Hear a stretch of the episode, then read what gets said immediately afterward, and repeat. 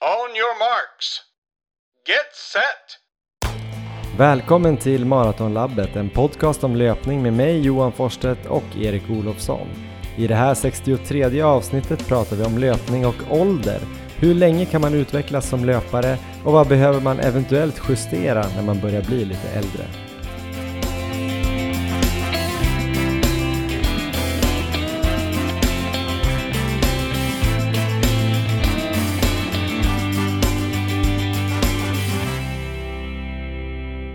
God kväll Erik Olofsson, Stockholm anropar Uppsala. Är du där? God kväll Johan, kul att vara med.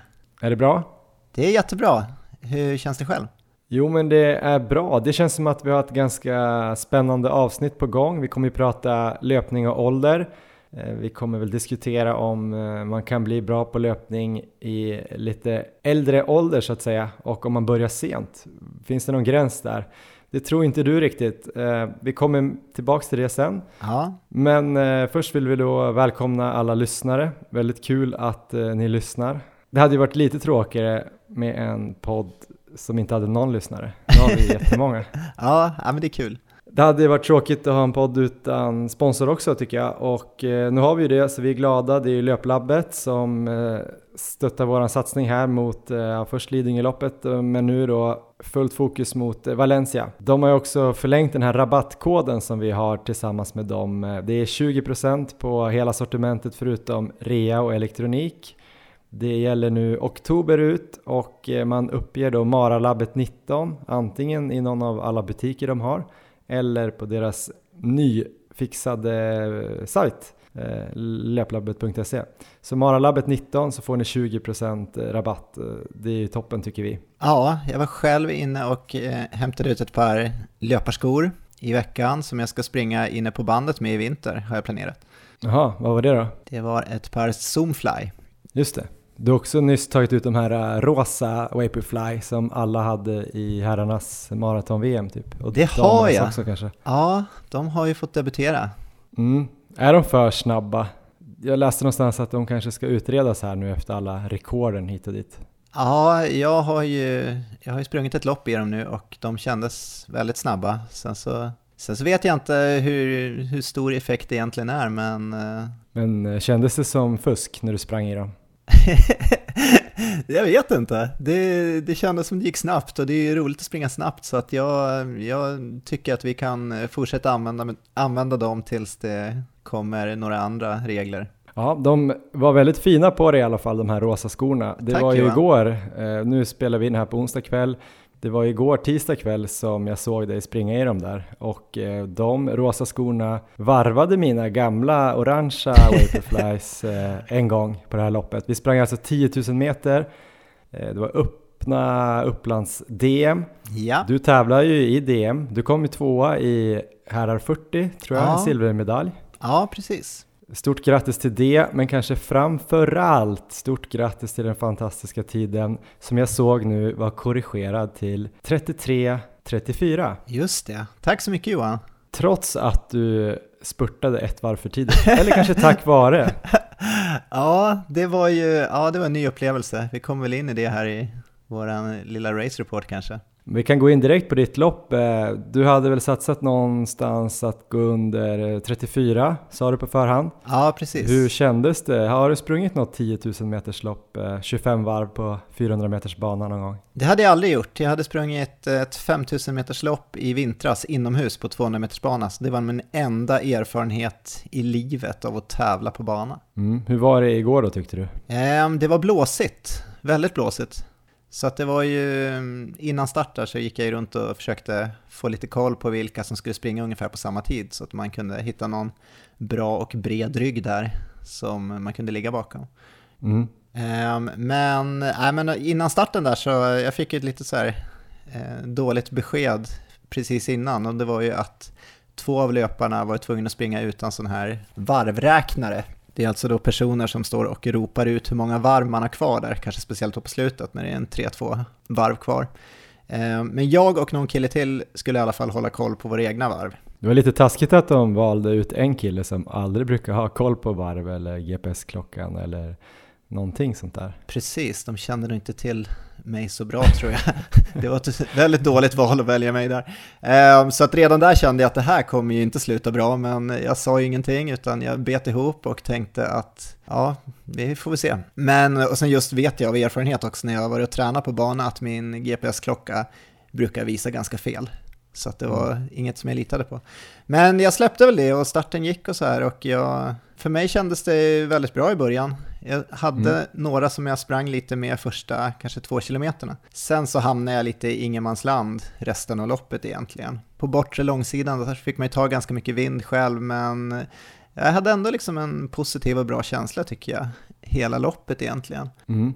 Um, men vi kan väl dra slutet där som du redan har varit inne lite på, att uh, jag hade ju en kille framför mig som, jag, som också heter Erik och uh, jag visste att han skulle sikta ungefär på samma tid som mig, någonstans under 34. Ehm, och eh, jag hör i alla fall när han ligger ungefär 15 meter framför mig och vi passerar de här varvräknarna som står vid målet. Hur någon ropar i alla fall så “Bra Erik! Tre varv kvar!” Och eh, alltså jag är verkligen, min hjärna fungerar inte så bra men jag lyckas registrera det där i alla fall och liksom ställa in mig på det, det är tre varv kvar. Grejen var den att vi hade precis blivit varvade av någon snabb jäkel tror jag från Hässelby eller något sånt. Mm -hmm. Han som vann? Ja, jag tror det. Och jag funderar, jag är inte säker på det här, men jag funderar om inte han heter Erik också. Nej, han som vann, förlåt, han hette Axel. Men det var en annan kille som kom ah, fyra, okay. som också sprang för Hässelby. Han hette Erik. Ja, ah, då, kanske, då kanske den här teorin spricker. Det kan ha varit att jag bara... Jag hade i alla fall... Jag kunde tänka mig att det var han de hade ropat till också då annars. Men i vilket fall som helst, jag, jag ställer in mig på det. Det är tre var kvar och eh, eh, kämpar, alltså sliter och eh, håller det här avståndet på ungefär en 15 meter fram till, fram till den Erik som jag vet heter Erik. Um, och med ett varv kvar då så tänker jag att äh, men jag ska nog försöka liksom plocka honom nu, jag ska hinna ikapp och uh, um, det var så här skönt att ha en rygg och liksom bara jaga där. Så att jag jagar ikapp honom och med 100 meter kvar då så lägger jag in en riktig slutspurt, alltså tummer allt jag har och uh, öser hela upploppet och eh, går i mål med maxpuls. Eh, har ändå så pass mycket sinnesnärvaro att jag sneglar bakåt i alla fall bara för att försäkra mig om att han också går i mål bakom mig. Eh, och ser till min eh, förskräckelse att han ger sig ut på vårt sista varv där. Mm. Så eh, ja, jag förbannar mitt öde och eh, fortsätter springa. Jag tar rygg på honom igen där och biter ihop och tänker väl, ja, jag tänker väl bara att eh, ja, nu, nu släpper jag inte, utan nu bara försöker jag hålla så länge det går. Så det är ett varv till, samma grej. Jag ligger i rygg och eh, lyckas ändå på något sätt mobilisera en till slutspurt där. Så jag hade två riktigt starka upplopp där, de två sista varven. Vet du vad du hade sista varvet där? Ja, det var, alltså det var faktiskt mitt snabbaste varv. Jag tror jag hade en 17 eller en 16 där, så att jag vet inte hur det gick till riktigt. Tydligen så Tydligen så har man lite mer än man kanske tror att tumma ut ibland. Men i mål i alla fall, jag var väldigt nära tror jag den här Kristoffer Hiding-känslan.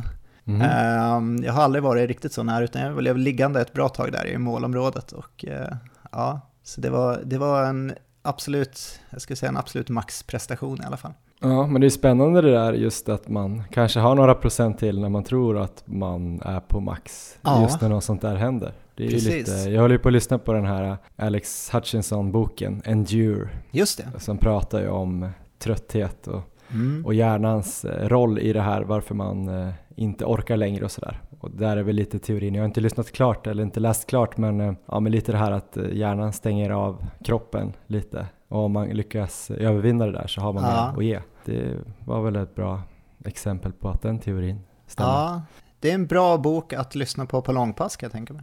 När man har lyssnat på Maratonlabbet, alla avsnitt. Just det, två gånger. Men Johan, du sprang ju också. Hur, ja, jag gjorde hur, det, eller joggade, jag vet inte.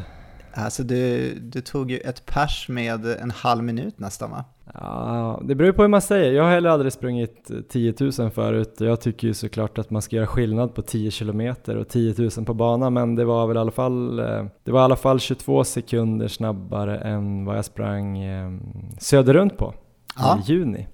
Så det är första gången jag sprang under 36 minuter på den sträckan i alla fall, oavsett ja. bana eller landsväg. Så jag är ganska nöjd. Jag eh, bestämde mig bara dagen innan att jag ändå skulle åka dit och springa. Såg det väl lite som en träning men samtidigt hade jag ju vilat en del i helgen. eftersom jag hade vilodagar då. Så jag kan ju inte klaga på att jag var nedtränad eller så. Men jag hade nog inte riktigt den där sista formen eller mentala inställningen att plåga mig typ Hiding, Erik Olofsson-style. Eh, jag vek ner mig lite grann, skulle jag väl säga, kanske mellan fyra och sju, åtta kilometer där. Nu snackar vi inte jättemycket, jag höll väl hyfsat tiden. Ja, tappar du Eh, tid Sa där jag att jag eller? sprang på 35-48 eller? Ja. ja, det gjorde jag. Jag såg att jag gick ner lite i fart och Mm. jag hörde både Manne Forsberg som ju sprang eh, superbra, persade mig typ eh, 28 minuter, sprang på 38-24. Ja, Han var ju harad av John Kingstedt. Båda sa ju att eh, jag såg väldigt trött ut i mitten, ja, men eh, mycket piggare när det var liksom 2-3 kilometer kvar. Så det var någonting, eh, jag har något problem där i mitten av loppet, det kommer jag ihåg från Söder runt också. Mm. Det kändes bra liksom första 3-4 när man fortfarande är hyfsat fräsch och man har paceat sig rätt i starten.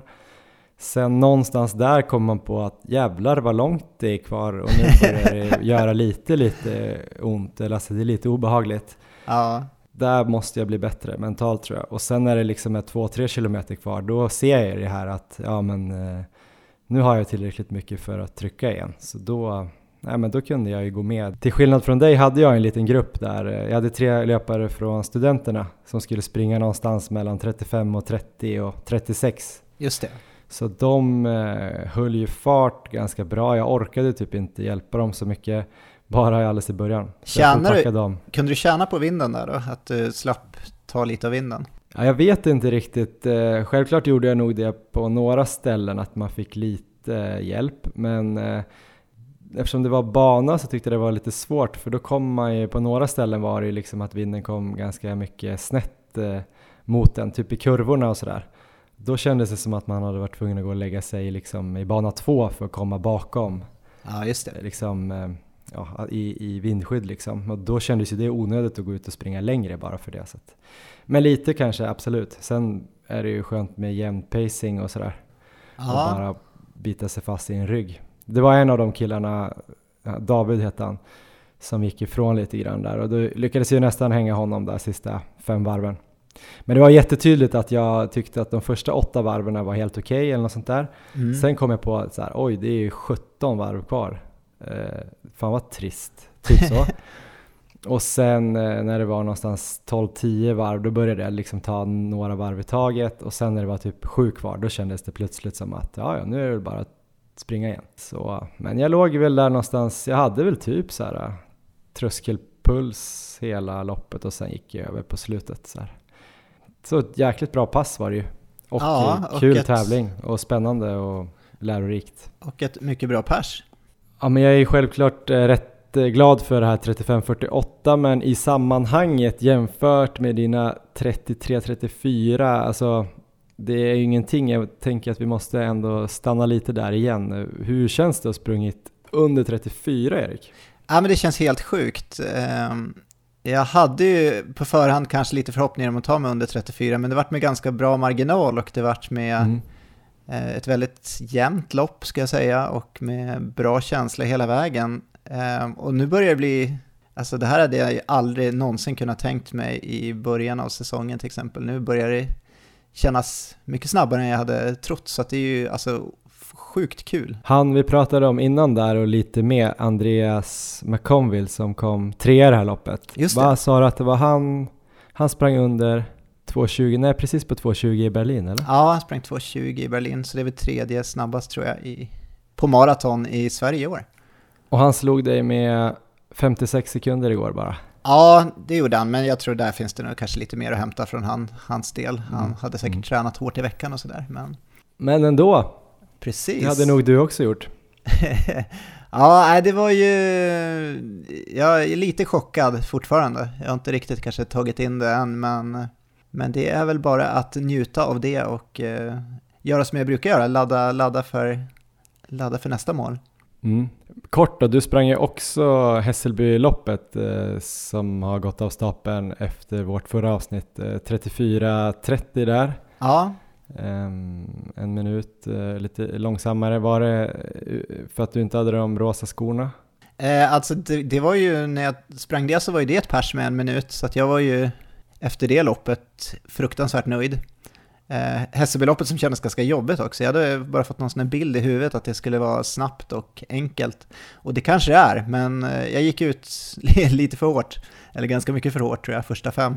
Mm. Eh, och det fick jag nog betala, på, betala för andra halvan där, för då kändes det det kändes tufft och jag fick slita hela vägen in i mål. Ehm, och eh, jag vet inte, jag hade inte den här magnifika avslutningen direkt på upploppet, på Hässelbyloppet. Du hånade mig lite sen i några sms där efteråt.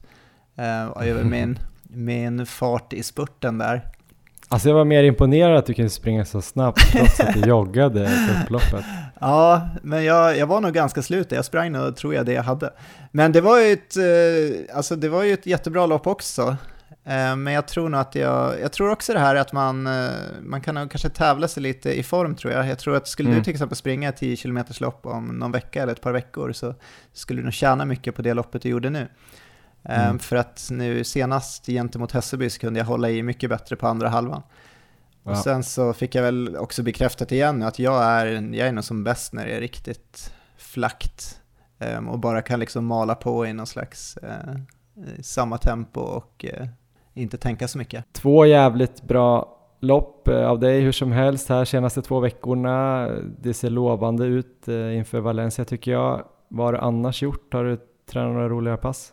Ehm, ja, men sista två veckorna har varit lite, lite upp och ner. Alltså loppen har ju gått bra, men däremellan har jag haft eh, en hel del känning i mina vader. Det var ju väldigt osäkert om jag ens skulle springa i Hässelby. Ehm, jag hade haft problem med vaderna hela veckan där inför och bland annat fått avbryta min dubbeltröskel den veckan. Ehm, jag gjorde ett litet test på morgonen inför Hässelby och då kändes det så pass bra att jag kom till start i alla fall. Ehm, jag gick ju mål i Hässelby och kände lite så här, även om jag var nöjd med tiden så var jag lite så här arg på mig själv att jag ens hade sprungit, för då tänkte jag att nu kanske jag sabbade någonting med vaderna här. För jag hade mm. lite känningar under loppet, men sen så har det ändå liksom släppt. Jag har foamrollat massor de sista två veckorna, fått massage och så vidare, så att det kan nog ha hjälpt till med det också. Så att det har väl inte egentligen, förutom de här loppen sista två veckorna, jag har kunnat springa på nästan lika mycket volym som jag velat, men kanske fått eh, jag fick ju plocka bort en dubbeltröskel bland annat, så att eh, rent kvalitetsmässigt har jag tyvärr missat lite grann. Men själv då Johan, hur känns det nu med ditt eh, lite nya träningsupplägg, nu när du har kört på här ett tag? Ja men det känns eh, ganska bra faktiskt. Eh, nej men du ordinerade ju dubbeltröskel till mig förra avsnittet och jag har tagit fasta vid dina ord och eh, lagt in det och sen så har jag gjort lite speciellt här. Jag har haft vila lördag, söndag och kört långpass måndag kväll. Just det. Tänker att det är bra att dra igång veckan med något riktigt maffigt. Ja. Och sen har jag liksom kört distans egentligen tisdag, onsdag, torsdag plus styrka och lite backsprints och sånt där. Ja. Och sen har jag kört det här, eh, testat lite dubbeltröskelkonceptet. Och eh, första veckan blev det väl eh, 5 km rakt av i någonstans mellan 3.40-3.45 fart på löpan yeah. på morgonen. Och sen skulle jag springa på löparbana ute i Kärrtorp andra passet, skulle dra 5 km rakt av där också. Kom väl 3,6 eller någonting. Elmer Aha. var med men var vaken och han blev lite less där efter typ en kvart. Så då fick jag avbryta. Eh, sen nu i fredags så gjorde jag en liten variant. Då körde jag 8 gånger 800 i 3.30 fart. Så det var ju över tröskel, men det var ju uppdelat som intervaller, så jag var nog aldrig över Pulsmässigt var jag aldrig över 168 tror jag. Just det. Det var också för att testa lite kroppen inför eh, DM här på 10 000. Ja. Och sen på eh, kvällen gick jag ut och sprang 5 kilometer bara rakt av här ute längs kajen, Hammarbyhamnen i någonstans 3.43 fart. Kände väl att jag hade kanske kunnat eh, springa lite längre. Men där blev det då i alla fall drygt 11 kilometer på den dagen. Ja. Ganska spännande eh, upplevelse. Jag har känt mig ganska fräsch. Jag har inte kört så himla långa pass än så länge. Än så länge har jag väl kört typ en distans som man nästan skulle kunna göra i ett pass. Kan jag, ja. tycka. jag tror det är bra inledning, om man börjar med dubbeltröskel, att man startar igång lite lugnt precis på det sättet. Mm. Så kan man öka på sen eftersom. Hur har du upplevt eh, första tröskeln gentemot andra rent ansträngningsmässigt? Jag är ju ofta ganska trögstartad på dagarna. Just när, jag gillar ju inte att träna sådär tidigt om jag går upp. Eh, första passet där, första veckan gjorde jag ju någon gång innan åtta tror jag. Ja. På löpband. Det är ju alltid lite slitet. Men det var ju på löpband också. Jag gillar ju inte löpband som du vet. Ja. Så det var kanske lite extra jobbigt mentalt.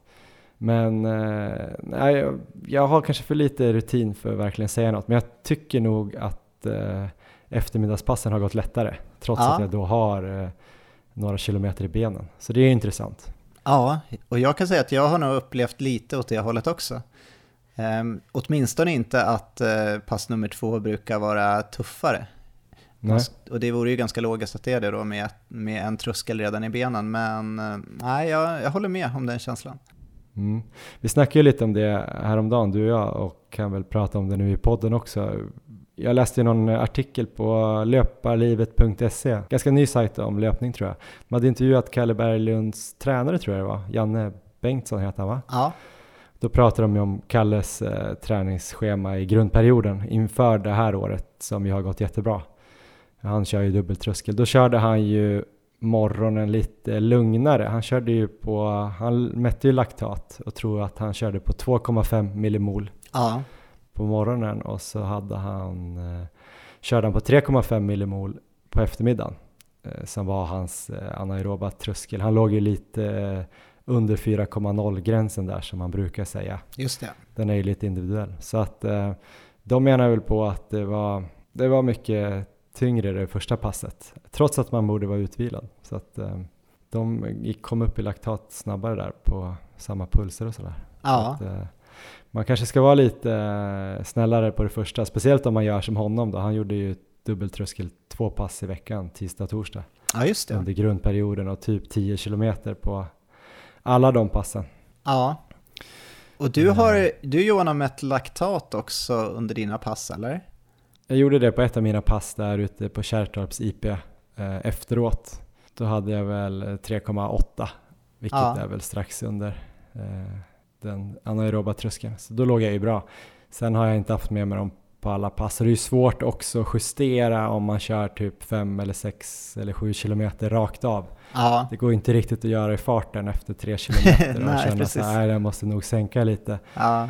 Utan eh, det är väl lättare om man kör intervaller. Och det gjorde väl till exempel Kalle körde väl 10 gånger 1000 på eftermiddagarna eller typ 25 gånger 400. Ja. Och då skulle man ju kunna göra något så här, efter en tredjedel kanske och efter två tredjedelar och känna att man ligger eller att man får justera lite. Om man är riktigt sådär väldigt noga med det där. Skulle Annars det... så kan man ju kanske göra efter pulsen men eh, enligt den artikeln också så kunde det skilja ganska mycket i olika dagar. Att det ibland kunde man komma upp i 4,0 då kanske på 170 puls och i vissa dagar 165 så det var lite dagsform. Så det är lite lurigt. Du kör ju rätt mycket efter pulsen har jag förstått. Ja, jag, kör, jag har inte mätt laktaten enda gång och jag har kört dubbeltröskel hela året så jag går ju väldigt mycket på puls. Eh, lite andra grejer som jag gör som eh, väl också Kalle Berglund gör där är ju att jag kör i princip samma samma runda kan man säga. Han kör ju, har ju två runder där i Stockholm som han kör efter. Där han mm. i princip kör samma sträckor hela tiden så att han har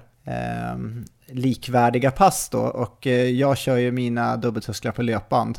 Eh, så att jag mm. har ju precis samma farter och eh, kan ju verkligen jämföra ehm, känsla, puls och så vidare. Så jag, tycker, jag tycker man kommer väldigt långt med bara puls och eh, känsla egentligen. Men jag tycker det är intressant med laktaten då och eh, om det är möjligt att liksom göra det på ett ganska enkelt sätt, vilket det kanske är, så kanske det är ändå värt att prova på det. Mm, kanske.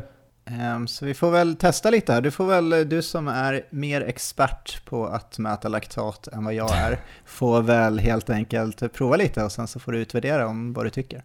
Mm. Det är lätt att man kanske hamnar på ett eller annat läger, att man antingen eh, typ älskar det som du och Kalle Berglund och Ingebrigtsens eller att man tycker att det är nästan lite så här trendigt eh, fjanteri, typ som andra, jag ska inte nämna några namn. eh, det känns ju som att det här är en pusselbit i träningen som man kan testa. Ja. Och man gör det ju såklart för att man ska kunna få mer tid på tröskelansträngning men att det ska vara mer skonsamt också. Ja. när jag har kört det nu, 5 km per pass, eh, då är det ju liksom som att jag lika gärna borde göra det på ett pass egentligen. Men det här är ju i, i början av min dubbeltröskelkarriär. Får se om den fortsätter. Ja. Så tänker jag kanske att man kommer upp där mot 7-8 eh, kilometer per pass. Då hade jag nog aldrig riktigt eh, pallat det på samma pass. Så det är väl det, är väl det vi tänker. Ja. Och sen tycker jag att förutom det här mer rent fysiologiska att ligga mycket i tröskel så tror jag det har hjälpt mig, eller kommer hjälpa mig att om jag gör de här när jag ligger liksom fem eller sex eller sju kilometer och eh, har det sådär lite obehagligt, som på loppet igår till exempel. Precis. Det kommer ju antagligen göra att jag blir mentalt starkare i att ligga i den där känslan och eh, trycka på. Så man får närma sig dig och Hiding, hur hårt man kan springa. Ja, vi kommer nog tjata på en del om dubbeltröskel för att jag, jag tror väldigt hårt på det här konceptet. Yes, men eh, vi måste nog sluta tjata om dubbeltröskel idag i alla fall och gå in på veckans ämne som ja. är då löpning och ålder. Och eh, innan vi börjar snacka om det så har vi gjort en intervju med ett väldigt gott exempel på en person som är, alltså hon är inte gammal men hon är lite äldre än oss. Hon är 57, hon heter Karin Schön, hon har blivit årets eh, veteran i Sverige flera gånger och eh, vunnit EM och VM-medaljer. Ehm, vi kör intervju med Karin nu helt enkelt. On your marks. Get set! Hej Karin Schön och välkommen till Maratonlabbet. Hej hej, tack tack. Kul att vara här. Ja, väldigt kul att ha dig här. Årets veteran i svensk friidrott flera gånger. Svenskt ja. rekord på maraton är både kvinnor, 50 och 55. Några grejer, vilka meriter är du mest stolt över? Ja, det är nästan de faktiskt. Ja. Som du tog nu. Ja. Vilken fingertoppskänsla. Och så mitt, mitt overall pers på maran är jag också ganska nöjd med faktiskt. Vi kan dra lite siffror så får du rätta mig om jag har fel. Men du ja. har sprungit på, när du var 50 eller i 50-klassen så har du sprungit på 2.56. Ja, Och kvinnor 55 3.03 i Göteborgs ja. maraton va? Ja, precis. Och du tog båda de här uh, svenska rekorden från Evi Palm. Inte helt okänd. Nej, verkligen legend. ja. Och sen har du ditt uh, pers på maran eh, från 2001 som är 2.38. Kan det stämma? Mm, 2002. 2002. 2002. Ja. Eh, I år är du, det är ju ofint att prata om ålder kanske, men du är 57. Hur snabb är du nu? Eh, jag sprang i Stockholm Marathon på 3.11. Ja. Jag hade velat gå under 3.10 men det gick inte riktigt. Men ja, det är där kring 3.10 på morgonen. Och 40 eh, minuter på milen. Yes.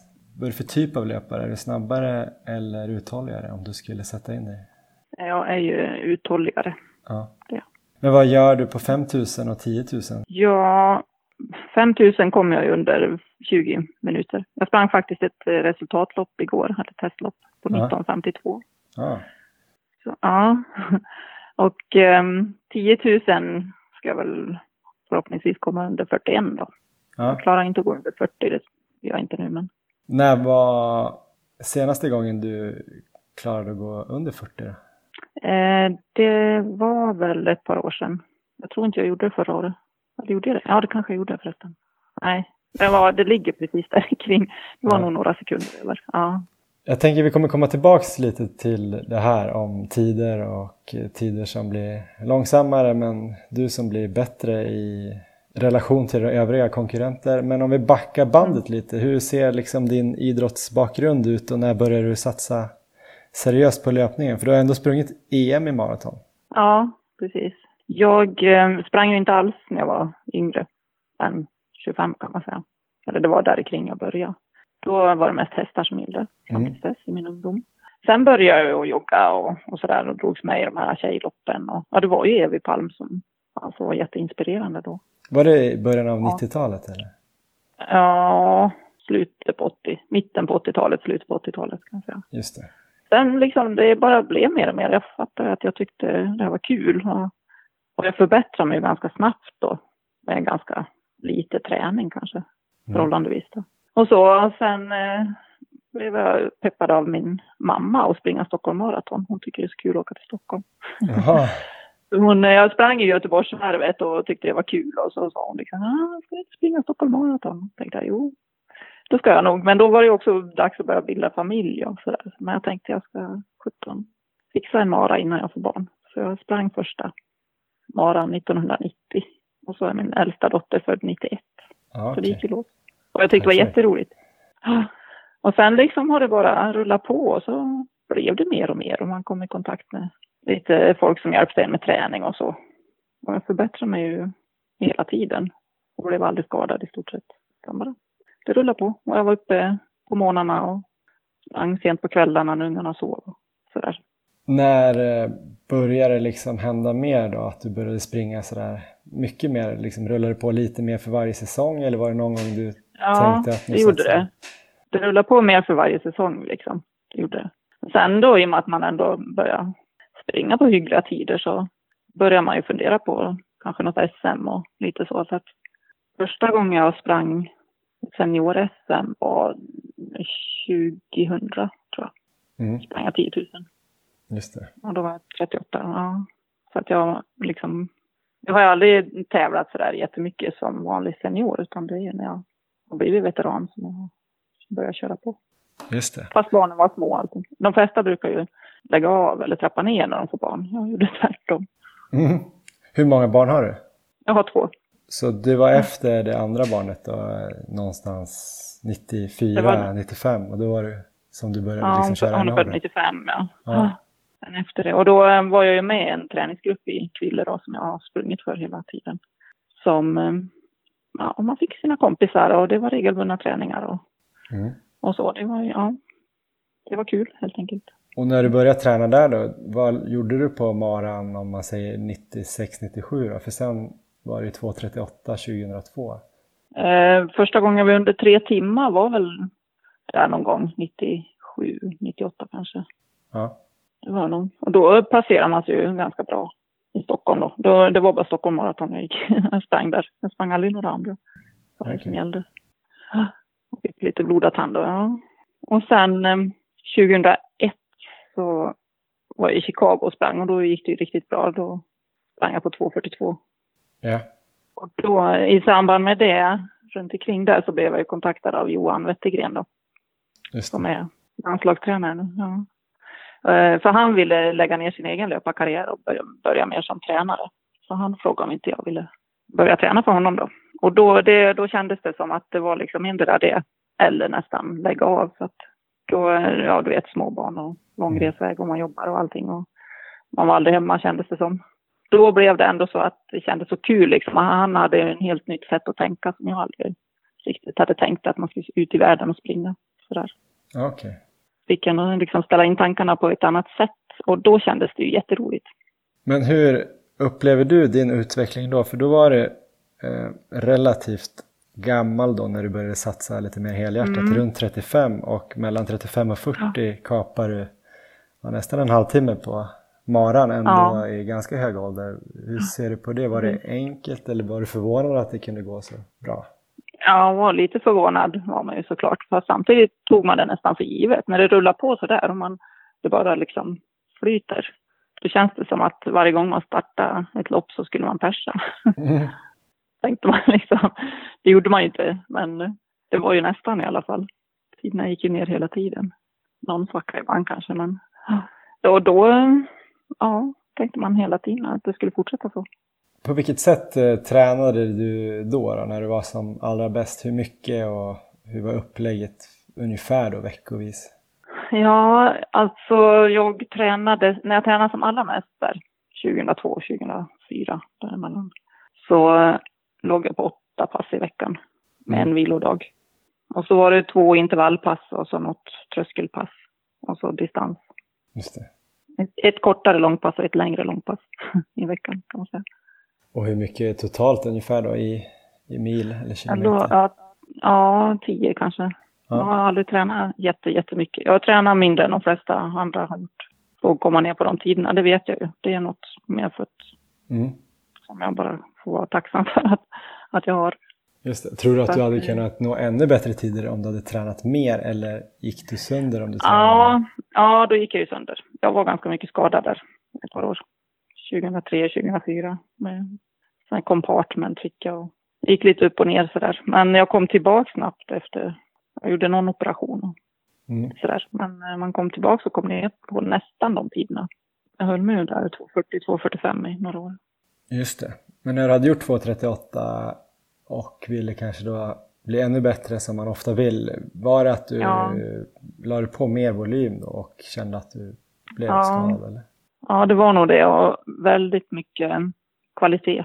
Och så och ganska mycket löpskoningar och så. Jag vet inte riktigt. eh, Jag tror att det tog hårt på benen. Plus då att det var små barn och man jobbade och man flängde hit och dit och Mm. kanske lite för dålig återhämtning då. Men hur såg sen då, om man tänker att eh, du har gått då från där eh, runt 40 så var, gjorde du ner mot 2.40 och nu gör du 3.10 ungefär. Och det, Mm. vad kan det vara, 17, 16-17 år. Hur går Mm. liksom utvecklingen eller vad stagnationen, hur har det sett ut? Om man får säga så. Ja, alltså jag vid 45, 46 års ålder där. Mm. Då hade jag hållit på att harva och så då fick jag ont i knät. Och då kände jag att nej, nu orkar jag inte något mer liksom. Jag gjorde en operation, jag sabbade menisken i vänsterknät där. Så blev det en operation. Och tänkte nej, nu har jag lagt av. Och så höll jag uppe typ i tre dagar. så började jag igen. Men jag la av liksom och verkligen satsa utan då kände man att nej, det får bli lite så här motionskörigt istället.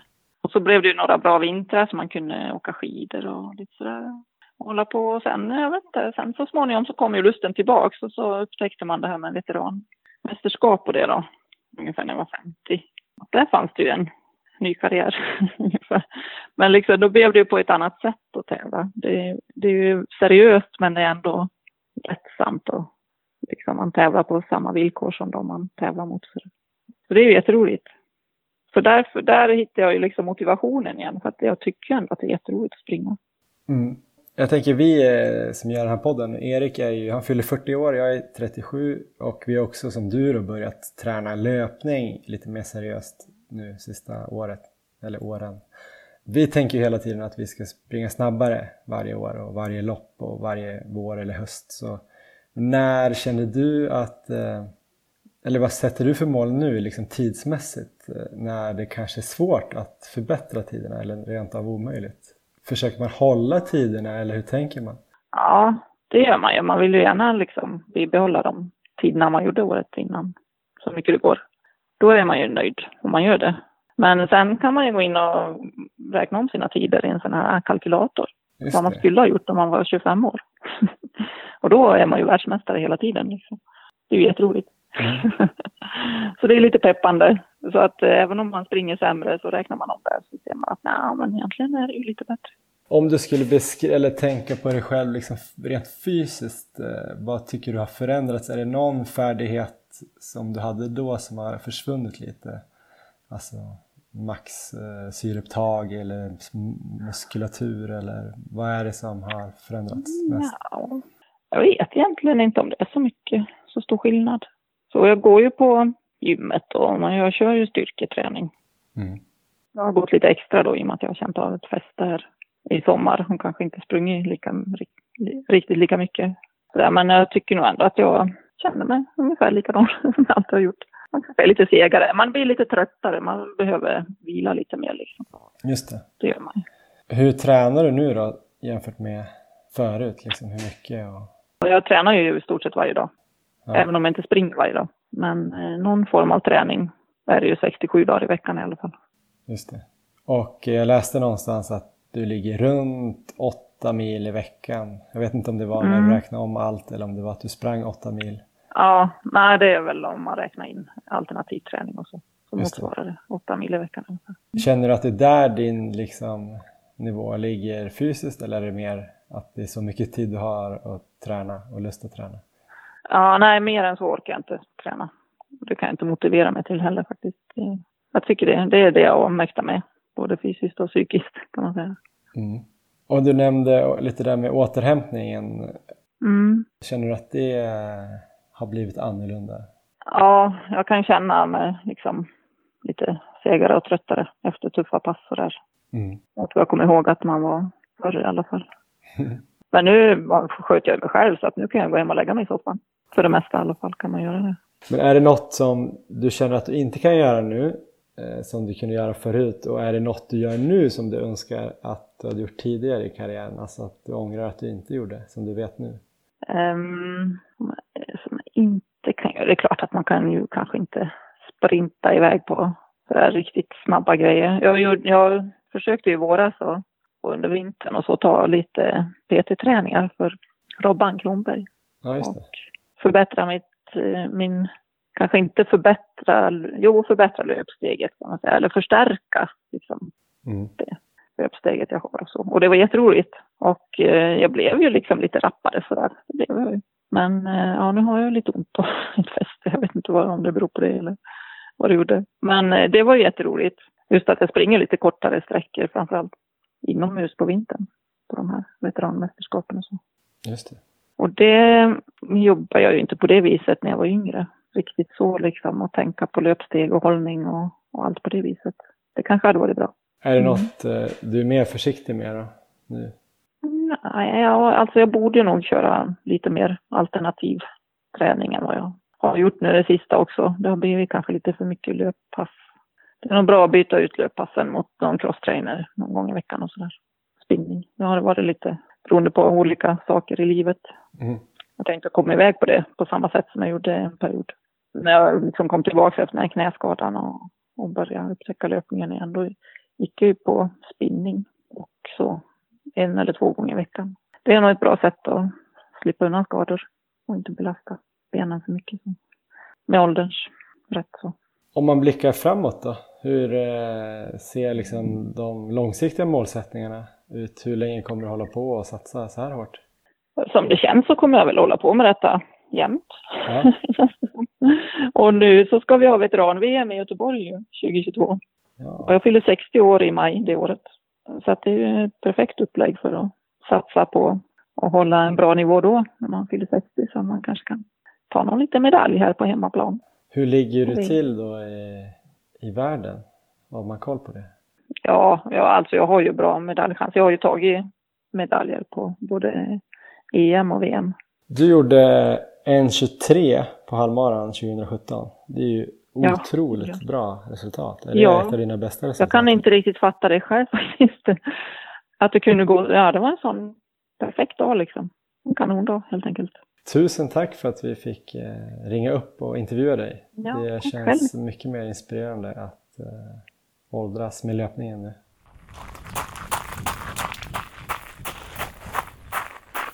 Ja, det där var ju alltså Karin Schön, eh, fantastiskt duktig veteran och det känns lite hoppfullt att lyssna till de här som är lite äldre och fortfarande väldigt duktiga, eller vad säger du Erik? Det tycker jag verkligen att det gör. Ehm, Så mycket inspirerande.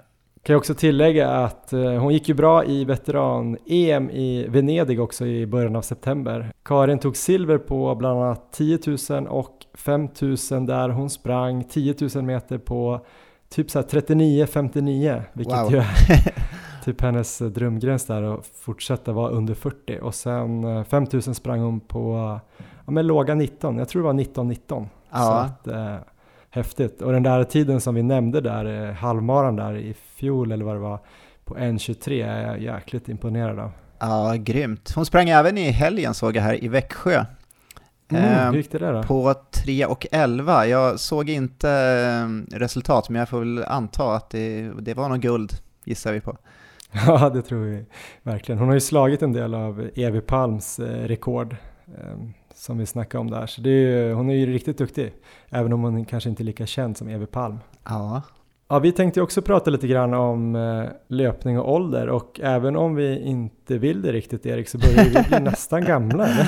ja det, får vi nog, det får vi nog säga. Så det är bra att vi har börjat läsa på om det här för att förbereda oss för vad som komma skall om inte annat. Ja, Du blir ju 40 här om några veckor. ja jag kommer vara 40 när jag springer i Valencia faktiskt. Just det, häftigt. Hur känns det då? Jag vet inte, är det slut nu Johan? Är det, är det över? Har jag haft min... Jag tror egentligen att det är över, men du har ju en positivare syn än vad jag har. Ja, Så vi kanske ska börja bara lite med det, vi kanske kan komma tillbaka till det, men du brukar ju säga när vi pratar om det här eh, annars att, att man har 10 till 12 år av hård träning som man kan tillgodogöra sig. Ja. Oavsett lite grann när man börjar med löpning. Så börjar man när man är 15 och då kanske man, om man tränar riktigt hårt då i 10 år, då kanske man någonstans har svårt att utvecklas efter 25. Men om man inte har gjort de där 10 åren kan man typ göra dem lite när man än startar och utvecklas väldigt mycket. Kan du inte utveckla det lite grann? Jo, men det här har jag hört i dels olika poddar och jag tror till och med Evi Palm här pratar också om det här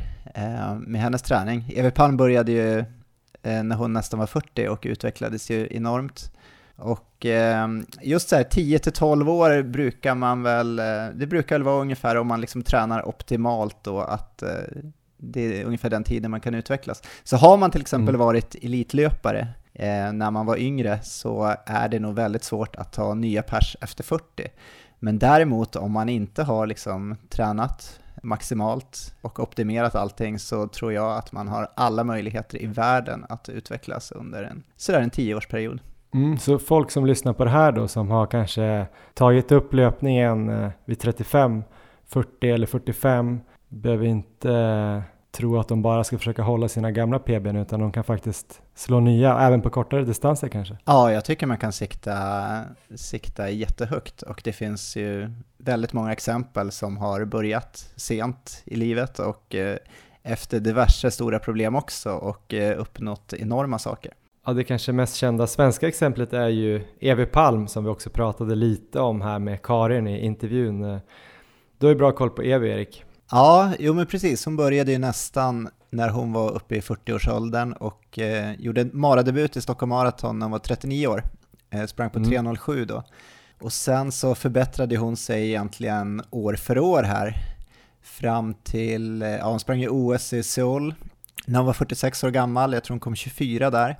Och slog ju faktiskt pers året efter i London tror jag det var som 47-åring på med 2.31.05. Mm. Så det här är ju ett, eh, ja, ett utmärkt svenskt exempel på att det är möjligt att göra massor i äldre ålder. Känner ingen press, eh, alla som lyssnar här och är runt 39 år. Ja, Och du Erik. precis. Sen har jag ett, eh, ett till roligt exempel vi kan dra också. Det, är ju, det här var alltså från OS i Los Angeles 1986. Jag tror det kan ha varit första gången damerna fick springa maraton i OS. Grete Weiss kom tvåa där. Har man inte sett Jakob Hårds eh, dokumentär om Grete Weiss som ligger på SVT så tycker jag man ska in och kolla på den, Hårds historier.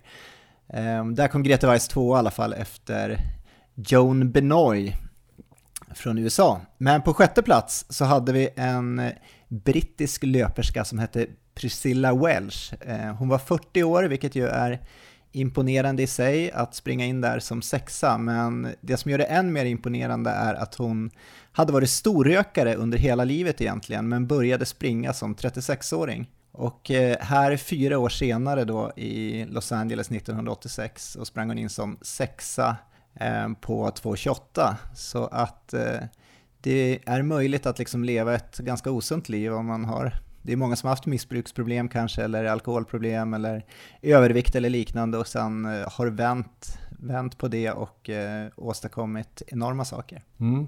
Men vi kanske ska börja gå igenom lite grann vad som händer i kroppen när man blir äldre och sen kanske vi kan komma in på vad man då måste göra för att motverka de här försämringarna som ändå kanske kommer komma fysiskt någonstans. Det är ju ingen som är 80 år och sätter PB.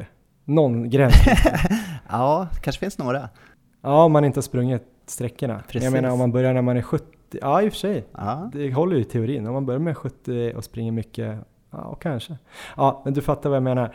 Eh, vi kan väl börja med VO2 max, Erik? ja precis. Um, ja, det sker ju en sänkning av VO2 max och man brukar väl säga att det är ungefär en halv procent till en procent per år efter man har fyllt 40. Mm. Ehm, och det är ju lite då att maxpulsen går ner med ålder så att mindre blod pumpas ut i musklerna helt enkelt. Ehm, så det händer ju och då är frågan hur vi ska lösa det problemet Johan. Vad tycker du? Men jag läste också bara innan vi fortsätter. Ja, Jag tänker att eh, det också verkar vara att det var lite oklart vilket som är det exakta skälet till att VO2 max eh, går ner. Vissa pratar ju också om att det kanske är mitokondrietätheten eller antalet mitokondrier som förminskas just eftersom muskelmassan förminskas också. Ja. Så det finns kanske lite olika tänkbara skäl. Men oavsett varför så tänker väl jag att eh, köra lite VO2 max-träning kanske helt enkelt. Ja, ehm, jag har ju läst den här nya upplagan av Advanced Marathoning, den här boken jag pratade om tidigare, det kom ut en ny upplaga i år. Och där är de inne på Mm. samma lösning egentligen då, att man ska försöka lägga in lite VO2 max-träning. Men man ska ju börja lite försiktigt om man inte är så van vid det, så att man inte liksom drar på sig några skador på grund av det.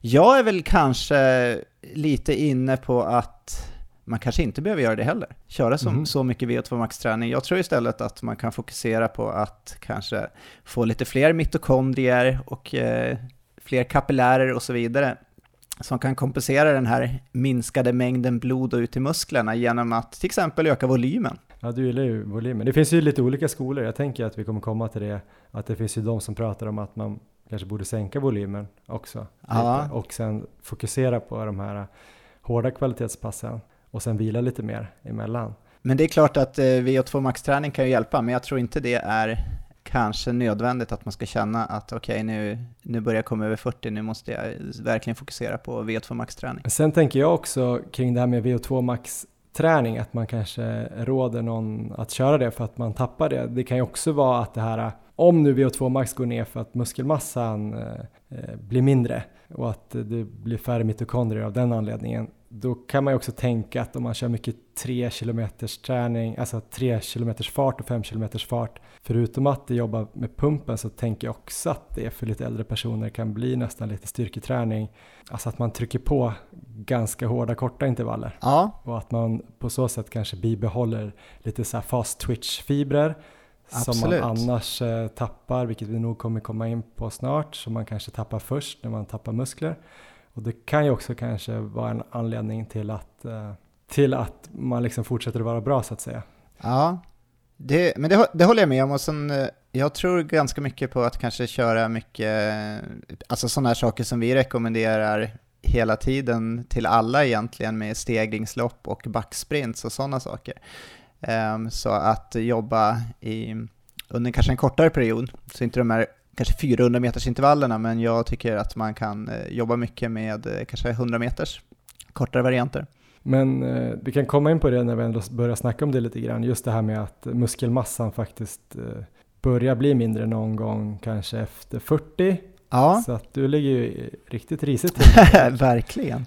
Beach 2020 kanske inte blir så kul för dig. Ja, vi får se. Men, eh, men just det där med styrka och spänst kanske försvinner lite grann. Och just att man tappar då de här eh, snabba muskelfibrerna först. Ja. De går ju inte riktigt att få tillbaka, eller det är ingen som riktigt vet hur man ska träna tillbaks eh, om man väl har tappat dem. Just att man kanske ska lägga in eh, lite tyngre styrketräning om man inte gör det nu. Även kanske de här backsprintarna som du pratar som aktiverar alla muskelfibrer. Ja.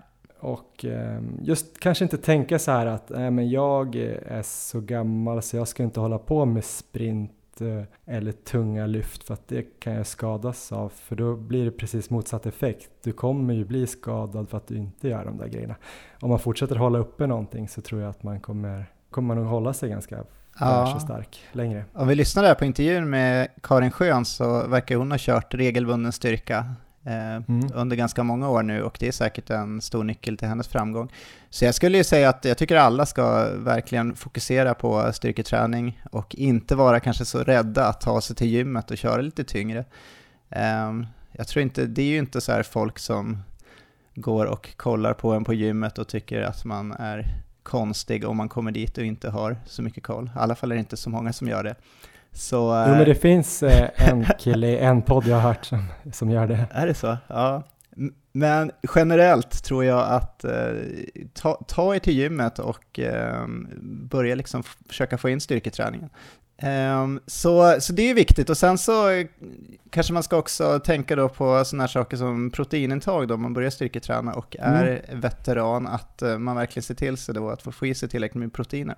För de som inte har läst på sin eh, nutritionslära så är ju protein det som bygger upp eh, muskelmassan. Bra, ska vi gå vidare Johan till eh, minskad steglängd? Mm, det kanske också hänger ihop med det här med muskelmassa, vad vet jag? Ja, på något sätt. Och det som händer där då, att man får minskad steglängd, är ju att man får mindre kraft i fotleden helt enkelt. Och det har jag läst på att det är, det är ju dels då minskad styrka, men också en minskning av sån här motorneuron i vadmusklerna, alltså gastrocnemius och soleus, de här två vadmusklerna man har. Eh, så där har vi ju dels samma lösning då, att köra styrketräning. Eh, jag såg ju den här, eh, det är väl du som har börjat följa den här sportscience.se tror jag, på Instagram. Mm. De hade någon undersökning där om att de tyckte man skulle köra både stående och sittande vadträning för att det aktiverade liksom olika delar av vadmusklerna. Då. Ena aktiverade gastrocnemius och den andra soleus. Så det kanske kan vara en grej att man försöker köra styrka för vaderna och variera lite. Mm. Men det är ganska intressant där, för jag funderar på det, om jag ligger bättre till än dig då, för du har ju ganska, ganska hög frekvens. Ja. Jag vet inte om du ligger kvar på närmare 185-190 och jag brukar ju hamna lite lägre ner, under 180. Så när min steglängd minskar kan jag ju, då kan jag gå i någon sorts frekvensskola hos dig.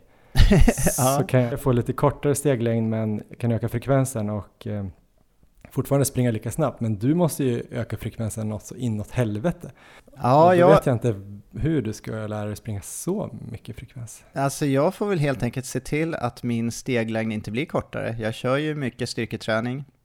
Eh, Jag kör backsprint, jag kör strides, så att eh, jag kommer jobba med de här grejerna och försöka att behålla steglängden helt enkelt. Mm.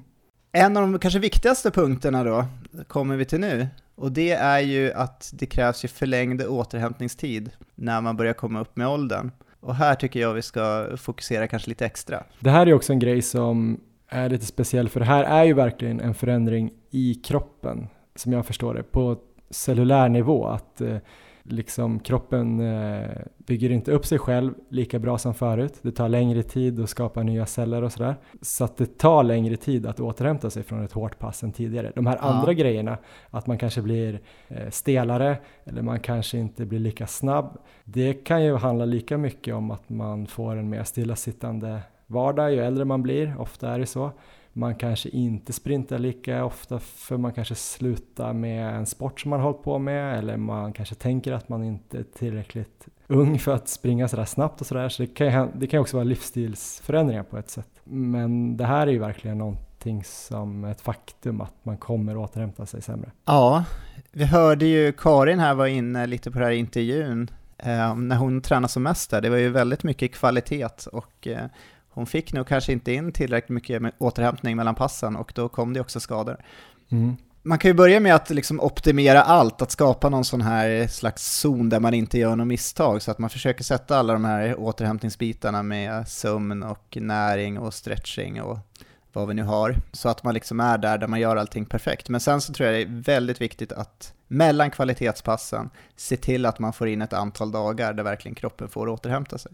Mm. Jag har hört en del på Pete McGill som ju är en väldigt duktig amerikansk löpare. Han är väl 57 nu tror jag. Ehm, Han eh, sprang lite som yngre, sen sprang han inte under nästan 20 år eh, på grund av alkoholproblem och missbruk och annat, men började igen som 39-åring att springa.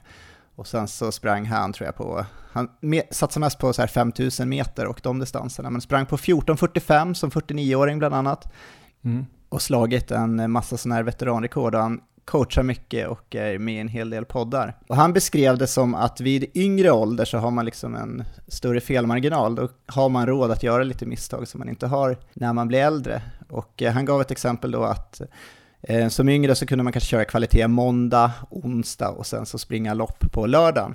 Men sen eh, när man blir äldre då får man kanske helt enkelt lägga in kvaliteten på måndag, torsdag och sen kanske skippa loppet på lördag. Alternativt att man kör kvalitet i början av veckan, då, till exempel måndag, och sen bara kör loppet på lördag. Eh, just för att eh, kunna få återhämta sig, också få den här superkompensationen som man pratade om, att eh, kanske efter två dagar så är man återhämtad, man, man har ännu inte riktigt lyckats tillgodogöra sig träningen, utan ger man det en dag till, som den tredje dagen, så får man den här superkompensationen också när man verkligen blir bättre från träningen. Ja, annars kommer det ju gå neråt eh, istället för uppåt om man tränar lite för hårt för ofta än vad kroppen klarar av såklart. Då kommer det ju bara Ja. bli en nedförsbacke. Och det snackar vi bara här om dagen om, eller mässade om, just det här med om man kör riktigt hårda, speciellt sådana här hårda, långa maratonpass, eh, då behöver man kanske minst två dagar med lugn träning och vila behöver Ja. inte vara att man bara ligger hemma och vilar utan det kan ju vara lugn distans eller en crosstrainer eller cykling eller så. Men att man kanske behöver två vilodagar. Då kanske man kan köra måndag, torsdag, söndag en vecka. Ja, Men om man då fortsätter kan man ju inte köra måndag, torsdag, söndag nästa vecka utan då kanske det måste bli onsdag, lördag veckan efter till exempel. Och då Precis. blir det plötsligt istället för de här tre kvalitetspassen som man kanske hade när man var lite yngre kanske man kör fem pass på två veckor så det blir två och en halv pass. Och sen kanske man blir ännu äldre, då kanske det verkligen är två pass kvalitetspass i veckan helt enkelt.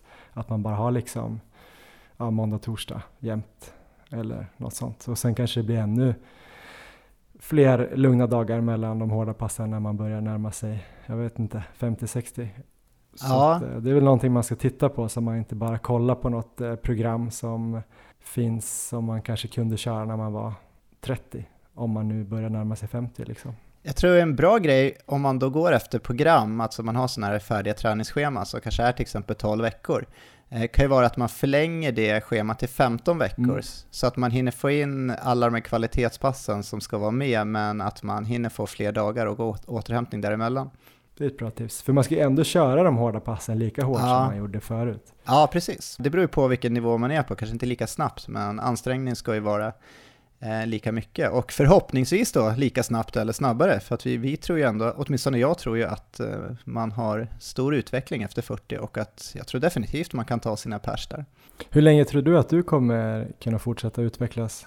Eh, jag ser det ju som att jag är bara i början, alltså Mm. eh, man skulle kunna se det som att det är mitt andra år här men då känner jag att första året det var mer någon slags inlärningsperiod egentligen. Och det är Mm. först i år som jag liksom börjar känna att jag börjar sätta saker. Så att jag, jag kan väl se det här som mitt första år egentligen. Och då har jag väl en tio år framåt, kanske kommer vara som bäst när jag är, vad tror du Johan, 40, 45, 46 någonstans. Då ska jag pika. Ja, men jag tänkte lite grann på oss som har hållit på med en annan idrott tidigare, ganska seriös nivå får man väl ändå säga, i fotboll som också är en löpsport. Kommer det göra att vi har några färre år än om man liksom börjar mer som ett blankt ark? Jag tror inte det, för jag tror inte den träningen som jag genomförde då är eh, liksom i närheten av den löpträningen jag gör nu, även om man väl sprang en del i olika farter.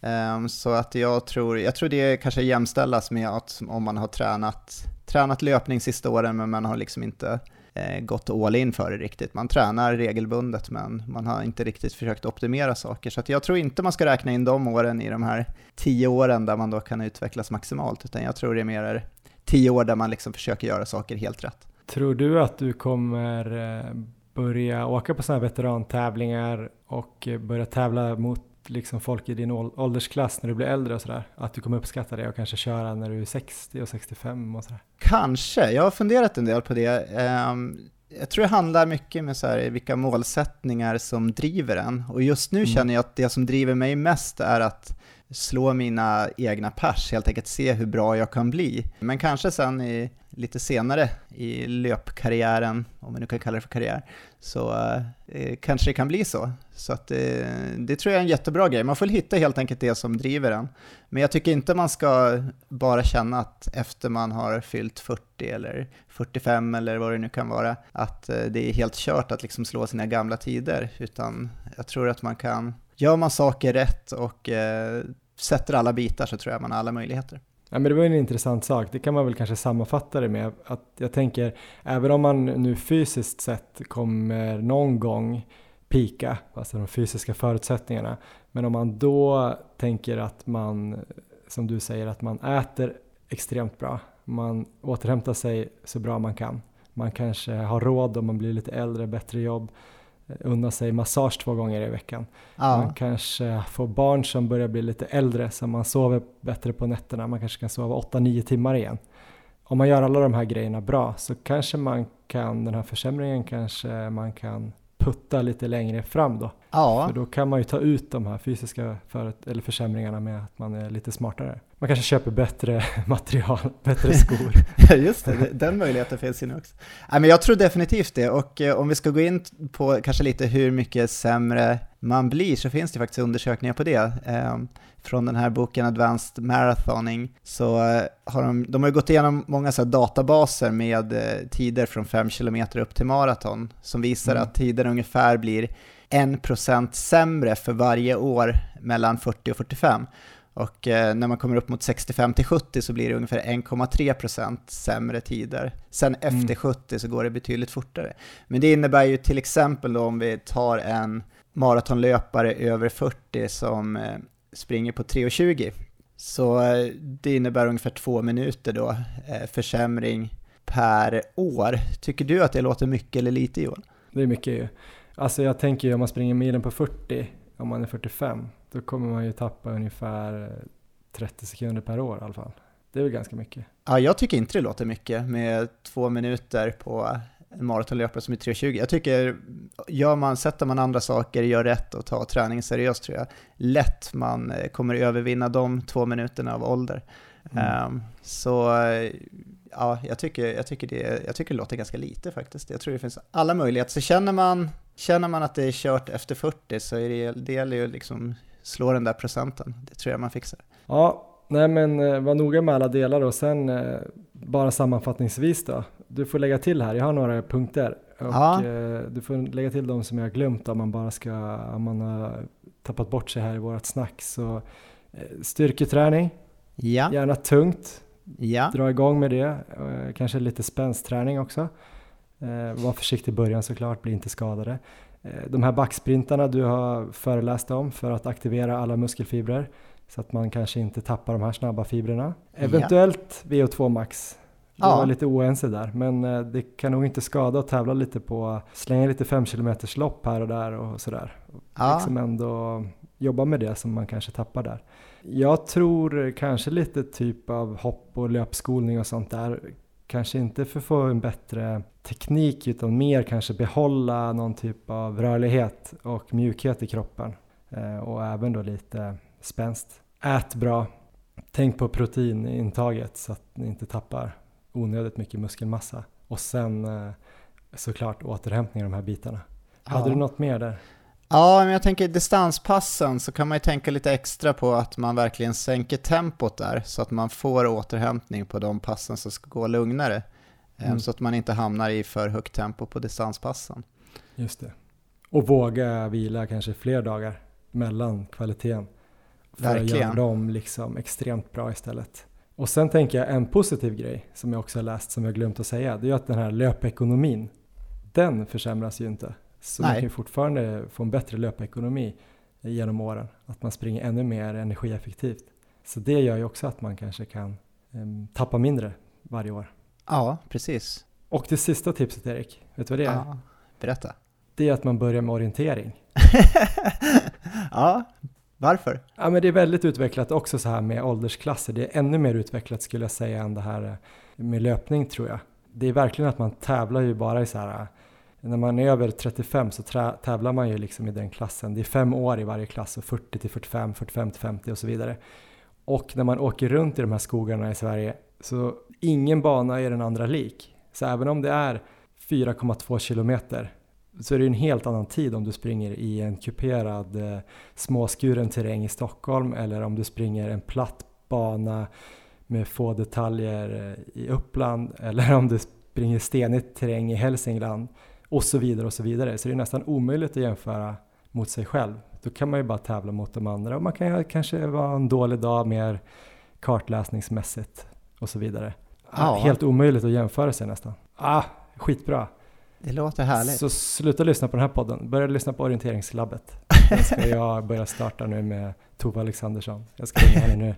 Ja, kul.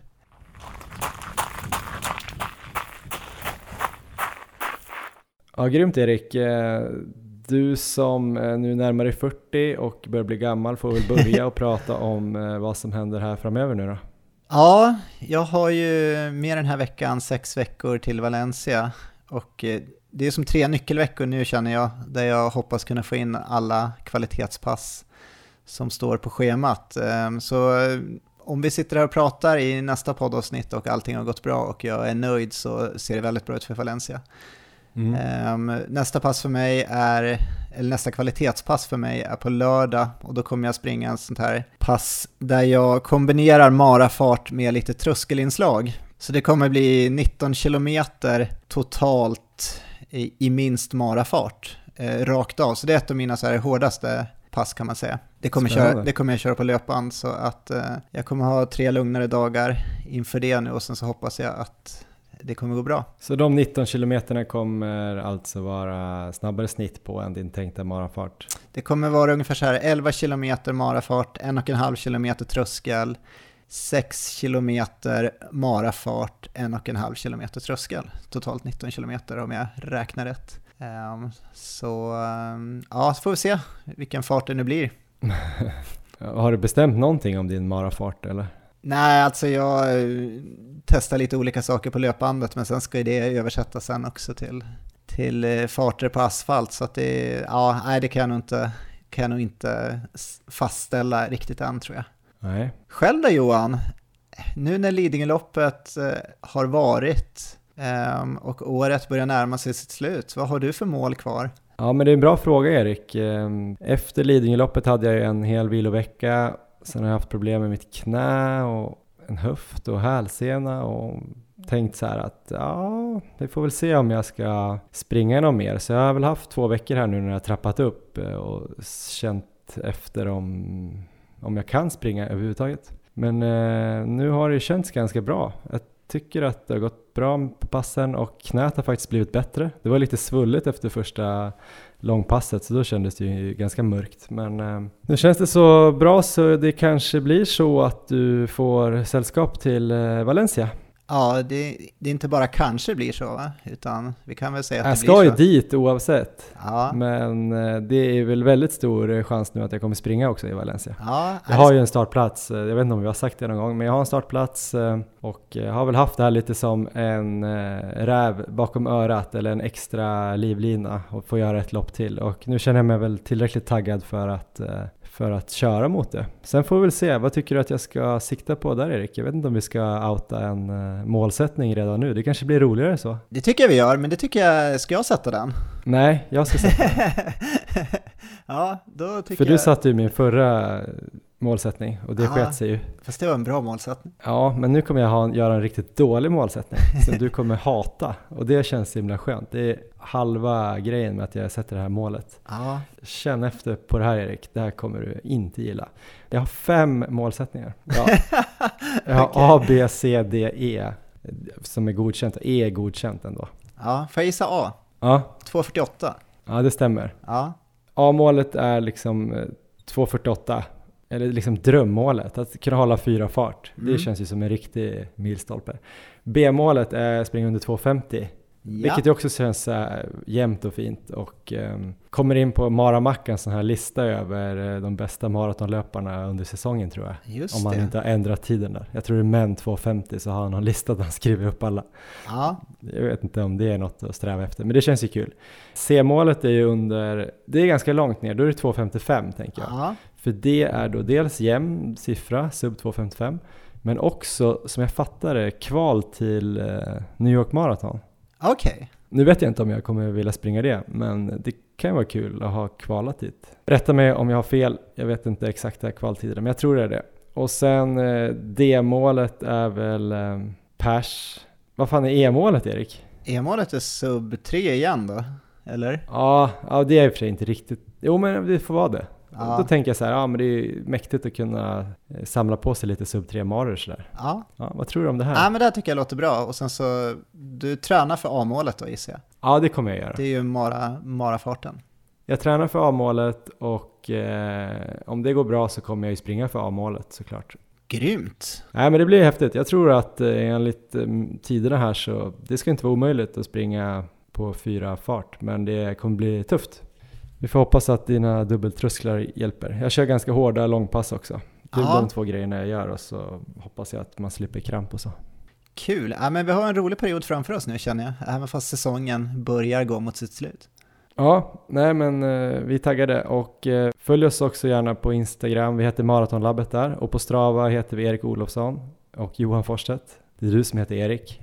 Kolla där och sen så vill vi återigen tacka Löplabbet eh, för att ni stöttar oss och så uppmanar vi alla att eh, gå in och handla någonting där. Med koden Maralabbet19 så får ni 20% rabatt. Eh, gäller oktober ut, så in och skynda och fynda. Det var väl allt vad vi hade den här veckan Erik? Ja, och... Och det var inte så lite. Nej, ska vi avsluta med någonting sånt här i stil med det, det är aldrig för sent att uh, slå pers. Men det kommer inte bli en minut på milen varje gång. Nej, det börjar bli tufft tror jag, men man vet aldrig. Ha det bra Erik, vi hörs. Ha det.